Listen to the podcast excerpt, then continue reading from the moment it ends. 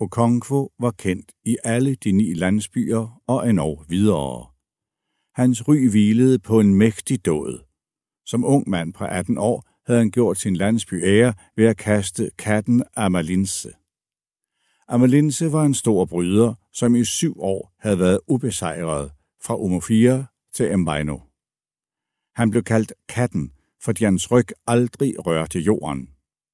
Det var denne mand Okonkwo kastede i en kamp, som den gamle mand selv indrømmede, var en af de voldsomste siden deres bys grundlægger udfordrede en af de vilde ånder og kæmpede med ham i syv dage og syv nætter.